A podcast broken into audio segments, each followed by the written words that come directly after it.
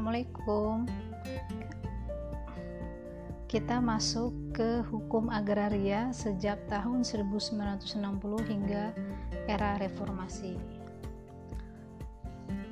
Dalam era Orde Baru, berbeda dengan Orde Lama, rezim Orde Baru memfokuskan pembangunan pada pertumbuhan ekonomi, ditandai dengan Undang-Undang Nomor 1 Tahun 1967 tentang penanaman modal asing tentu untuk menarik investasi asing dalam pengelolaan sumber daya alam. Kebijakan pertanahannya lebih dititik beratkan kepada upaya pemenuhan kepentingan dan kebutuhan pembangunan sektoral atau sektor pertanian dan industri. Pergeseran fokus kebijakan terjadi untuk memfasilitasi pemodal dalam rangka mengejar pertumbuhan ekonomi dengan menegaskan kebijakan pertanahan yang dinilai menghambat kebijakan pembangunan. Pemerintah memandang peningkatan ekonomi lebih penting dibandingkan dengan pelaksanaan land reform, yang merupakan instrumen utama pencapaian keadilan sosial. Alhasil pemerintah mengeluarkan Undang-Undang Nomor 7 Tahun 1970 yang menghapuskan tentang pengadilan land reform dan Undang-Undang Nomor 2 Tahun 60 tentang perjanjian bagi hasil. Jadi mengeluarkan Undang-Undang Nomor 7 Tahun 70 menghapus yang menghapus Undang-Undang tentang Pengadilan Land Reform dan Undang-Undang Nomor 2 Tahun 60 tentang Perjanjian Bagi Hasil. Pada masa ini ke arah swastanisasi, penguasaan dan pemanfaatan tanah. Berbagai kebijakan dikembangkan untuk mendukung terjadinya konsentrasi penguasaan dan pemanfaatan tanah oleh perusahaan berskala besar, seperti diberinya kemudahan izin lokasi, fasilitas perpajakan, termasuk menelantarkan hak tradisional masyarakat lokal atau hak ulayat masyarakat hukum adat. Di era ini juga terjadi ideologisasi pengorbanan oleh rakyat pemilik tanah bagi terwujudnya kepentingan negara atau umum.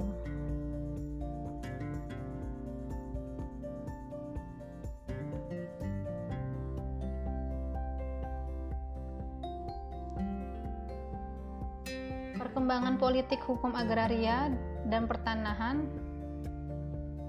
sejak tahun 1960 didasarkan pada UPA. Dengan lahirnya UPA, Undang-Undang Nomor 5 Tahun 60 tentang peraturan dasar-dasar pokok agraria, maka mulai saat itu terjadi perombakan secara menyeluruh tentang pengaturan keagrariaan di Indonesia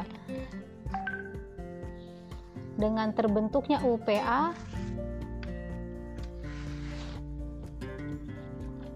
maka terjadi kodifikasi dan unifikasi hukum agraria. Kodifikasi hukum agraria yakni bahwa hukum agraria yang berlaku adalah hukum agraria yang tertulis dan terkodifikasi.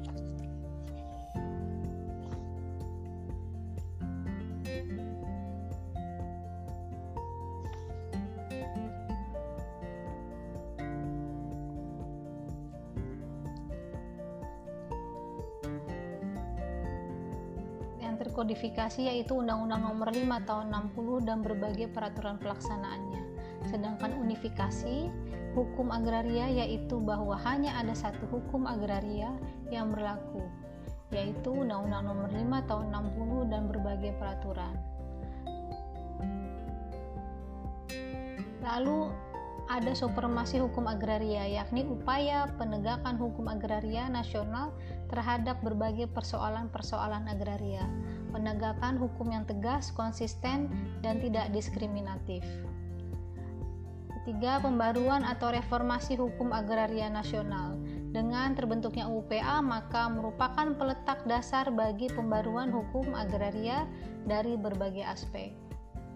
Dengan terbentuknya UPA juga menghapuskan dualisme dan pluralisme hukum agraria. Dengan terbentuknya UPA, maka tidak ada lagi berlaku dualisme dan pluralisme hukum agraria. Akan tetapi hanya satu hukum agraria yang berlaku di wilayah Indonesia yaitu UPA. perlindungan hak asasi manusia atas tanah.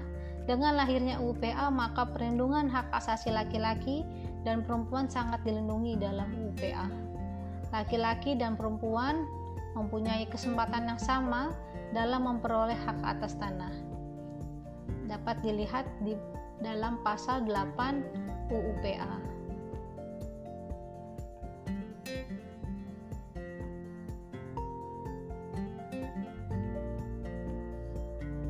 Dalam UUPA terdapat beberapa prinsip pokok yang tertuang dalam pasal demi pasal, antara lain Pasal 1 ayat 1 hak bangsa atas agraria yang bersifat abadi. Pasal 2 hak menguasai negara atas agraria.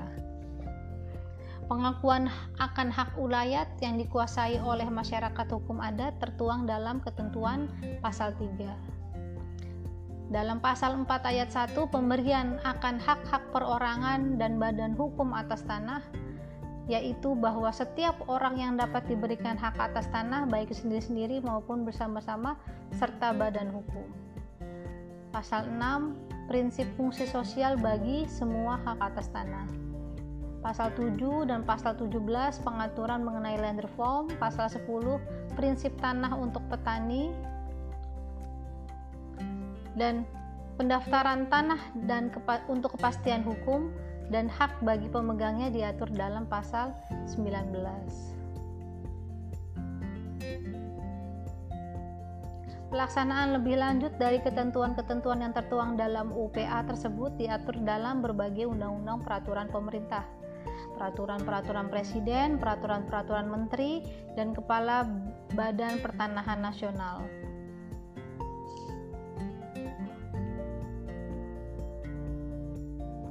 Hukum agraria di era reformasi.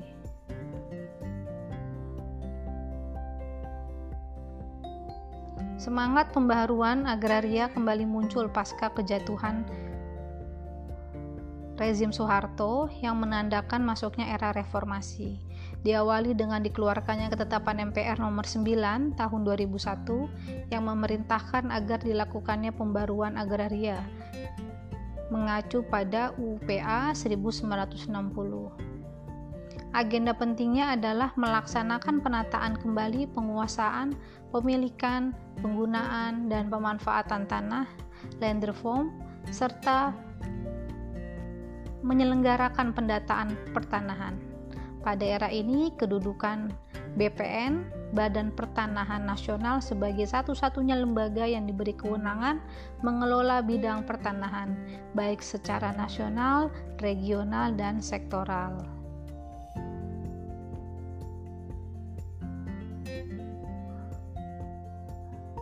Namun di era di, di era reformasi ego sektoral dalam pengurusan sumber daya alam masih terasa. Dalam hal ini, gaya Orde Baru masih menjadi tren. Ditambah kondisi ekonomi yang masih bergantung pada modal asing, membuat land reform sulit diimplementasikan secara sempurna. Ed, dalam era reformasi mengendaki perubahan-perubahan, termasuk di dalamnya perubahan di bidang hukum, lebih khusus di bidang hukum agraria dan pertanahan. Tuntutan reformasi di bidang hukum agraria terus bergulir dan terus dilakukan oleh masyarakat. Namun pemerintah hingga sampai saat ini masih mempertahankan keberlakuan UPA tersebut dengan melakukan upaya penyesuaian dengan kondisi yang berkembang di era reformasi sekarang ini. Hukum agraria di reformasi ini masih berdasarkan ketentuan Undang-Undang Dasar 45, Pasal 33 ayat 3 dan Pasal 18B UUD 45 hasil amandemen tentang eksistensi hak masyarakat hukum adat. Selanjutnya adalah UPA sebagai hukum khusus yang mengatur agraria namun diupayakan untuk dilakukan perubahan-perubahan dengan dilahirkan dengan lahirnya TAP MPR nomor 9 MPR 2001 tentang pembaruan hukum tanah dan pengelolaan sumber daya alam. Adapun aturan-aturan hukum yang menjadi dasar hukum pembangunan dan pembaruan hukum agraria yang berlaku pada masa ini adalah satu Undang-Undang 45 hasil amandemen yang diatur dalam pasal 18B ayat 2 dan ketentuan 3, pasal 33 ayat 3. 2. UPA dan peraturan pelaksanaannya yang disesuaikan dengan kondisi sekarang. 3. Ketetapan MPR nomor 9 MPR 2001 tentang pembaharuan agraria dan pengelolaan sumber daya alam. Keempat, Peraturan Presiden nomor 10 tahun 2006 tentang Badan Pertanahan Nasional. Ketetapan MPR nomor 9 MPR 2001 tentang pembaharuan agraria dan pengelolaan sumber daya alam ini lahir karena adanya tuntutan reformasi di segala aspek pembangunan dan hukum dan era globalisasi yang mempengaruhi segala aspek kehidupan masyarakat, bangsa, dan negara.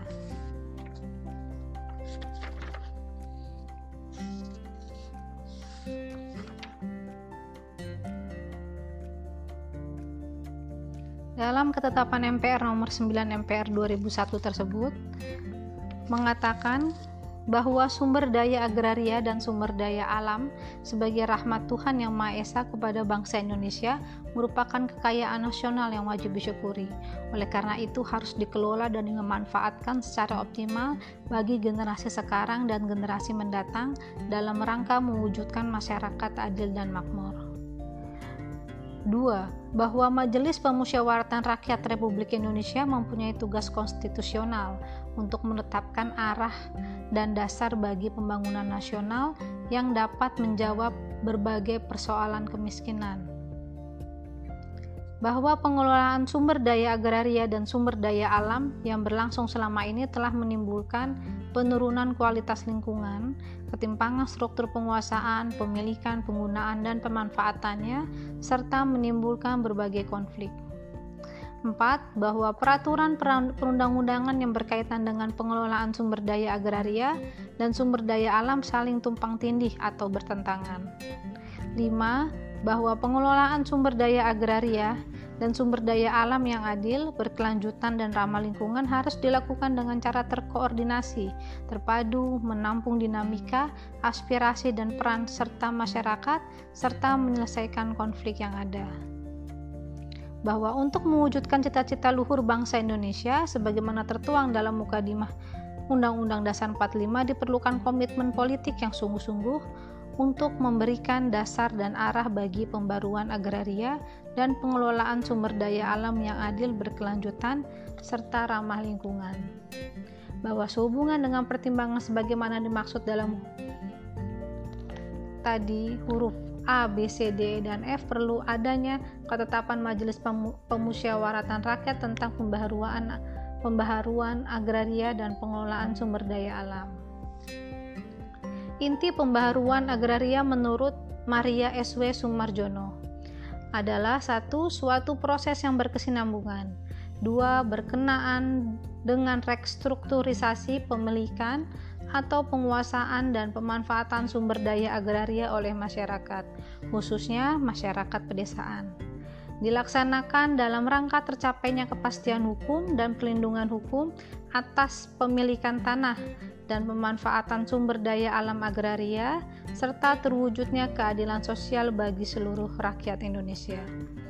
Inti pembaruan agraria atau reform agraria adalah upaya perubahan struktural yang mendasarkan diri pada hubungan-hubungan intra dan antara subjek-subjek agraria dalam kaitan akses penguasaan dan pemanfaatan terhadap objek-objek agraria. Namun, secara konkret, pembaruan agraria diarahkan untuk melakukan perubahan struktur penguasaan tanah dan perubahan jaminan kepastian penguasaan tanah bagi rakyat yang memanfaatkan tanah dan kekayaan alam yang menyertainya. Pembaruan agraria dalam tataran praktik dipadankan dengan land reform Land reform adalah suatu perombakan sistem pemilikan dan penguasaan tanah dan pengaturan kembali pemilikan, penguasaan hubungan hukum, dan perbuatan hukum subjek hak dengan tanah. Land reform juga diartikan sebagai restrukturisasi penguasaan, pemilikan, pemanfaatan, dan penggunaan tanah. Pembaharuan agraria dan pengelolaan sumber daya alam berdasarkan ketetapan MPR nomor 9 tahun 2001 dalam pasal 2 menyatakan Pembaharuan agraria mencangkup suatu proses yang berkesinambungan yang berkenaan dengan penataan kembali penguasaan, penataan, pemilikan, penggunaan, dan pemanfaatan sumber daya agraria. Dilaksanakan dalam rangka tercapainya kepastian dan perlindungan hukum serta keadilan dan kemakmuran rakyat bagi seluruh rakyat Indonesia.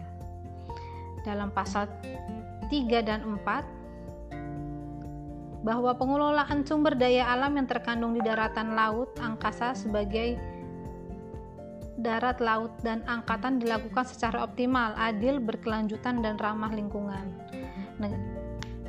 Pasal 4-nya, negara mengatur pengelolaan sumber daya agraria dan sumber daya alam untuk sebesar-besarnya kemakmuran rakyat. Dalam pasal 5 terdapat prinsip-prinsip dasar pembaruan agraria Pembaruan agraria dan pengelolaan sumber daya alam harus dilakukan sesuai dengan prinsip-prinsipnya. Ada 12 prinsip, yaitu satu memelihara dan mempertahankan keutuhan NKRI, dua menghormati dan menjunjung tinggi HAM, tiga menghormati supremasi hukum dengan mengakomodasi keanekaragaman dan unifikasi hukum. Empat, rakyat terutama melalui peningkatan kualitas sumber daya manusia Indonesia, mengembangkan demokrasi, kepatuhan hukum, transparansi, dan optimalisasi partisipasi rakyat. 6. Mewujudkan keadilan dalam penguasaan, pemilikan, penggunaan, pemanfaatan, dan pemeliharaan sumber daya agraria dan sumber daya alam. Ketujuh, memelihara keberlanjutan yang dapat memberi manfaat yang optimal. Melaksanakan fungsi sosial, yang kedelapan itu melaksanakan fungsi sosial, kelestarian, dan fungsi ekologis sesuai dengan kondisi sosial budaya setempat. 9. Meningkatkan keterpaduan dan koordinasi antara sektor pembangunan dalam pelaksanaan pembaruan agraria dan pengelolaan sumber daya alam. 10. Mengakui dan menghormati hak masyarakat hukum adat dan keragaman budaya bangsa atas sumber daya agraria dan sumber daya alam. 11. Mengupayakan keseimbangan hak dan kewajiban negara, pemerintah, masyarakat, dan individu. 12. Melaksanakan desentralisasi berupa pembagian kewenangan di tingkat nasional, provinsi, kabupaten, kota, dan desa atau yang setingkat berkaitan dengan alokasi dan manajemen sumber daya agraria dan sumber daya alam. Lalu kita lanjut di pasal 6-nya, sedangkan kebijakan pembaharuan agraria kebijakan pembaruan agraria dalam pasal 6 arah kebijakan pembaruan agraria.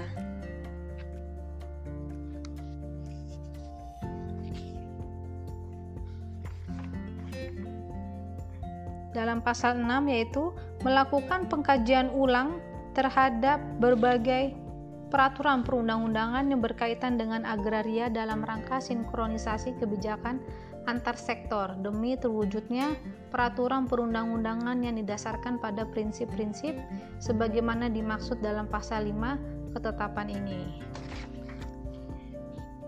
Ketetapan ini tuh tadi ya, TAP MPR nomor 9 MPR garing 2001 Dua, melaksanakan penetapan kembali penguasaan pemilikan penggunaan pemanfaatan tanah land reform yang berkeadilan dengan memperhatikan pemilikan tanah untuk rakyat baik tanah pertanian maupun tanah perkotaan. Tiga, menyelenggarakan pendataan pertanahan melalui inventarisasi dan registrasi penguasaan, pemilikan, penggunaan, dan pemanfaatan tanah secara komprehensif dan sistematis dalam rangka pelaksanaan land reform. 4. Menyelesaikan konflik-konflik yang berkenaan dengan sumber daya agraria. Memperkuat kelembagaan dan kewenangannya dalam rangka mengemban pelaksanaan pembaharuan agraria dan menyelesaikan konflik-konflik mengupayakan pembiayaan dalam pelaksanaan program pembaruan agraria dan penyelesaian konflik-konflik sumber daya agraria yang terjadi.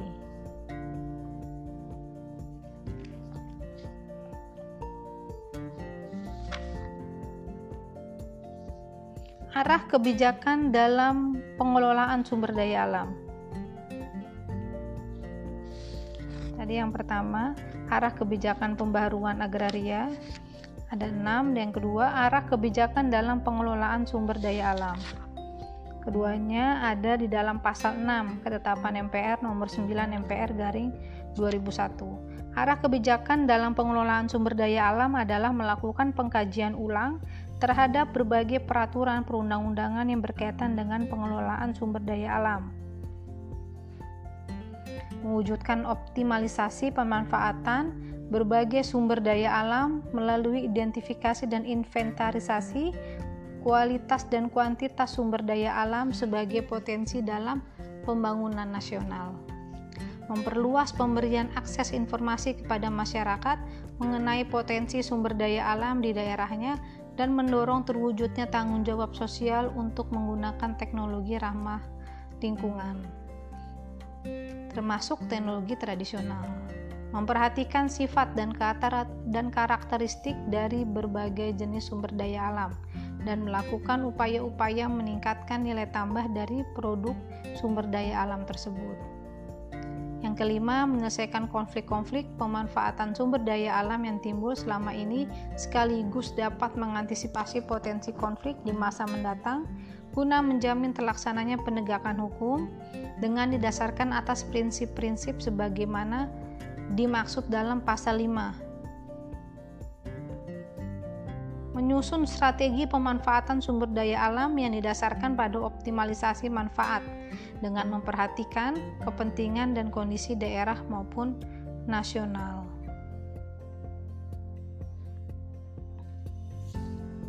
Adapun maksud dari reforma agraria adalah satu menciptakan sumber-sumber kesejahteraan masyarakat yang berbasis agrarian. Dua, menata kehidupan masyarakat yang lebih berkeadilan, tiga meningkatkan berkelanjutan sistem kemasyarakatan, kebangsaan dan kenegaraan Indonesia. Empat meningkatkan harmoni kemasyarakatan. Sedangkan tujuan reforma agraria adalah satu mengurangi kemiskinan, dua menciptakan lapangan kerja, tiga memperbaiki akses masyarakat kepada sumber-sumber ekonomi, terutama tanah, empat menata ulang ketimpangan, penguasaan pemilikan, penggunaan, dan pemanfaatan tanah dan sumber-sumber agraria. Kelima, tujuan reforma agraria adalah mengurangi sengketa dan konflik pertanahan dan keagrariaan, memperbaiki dan menjaga kualitas lingkungan hidup. Yang ketujuh, meningkatkan ketahanan pangan dan energi masyarakat.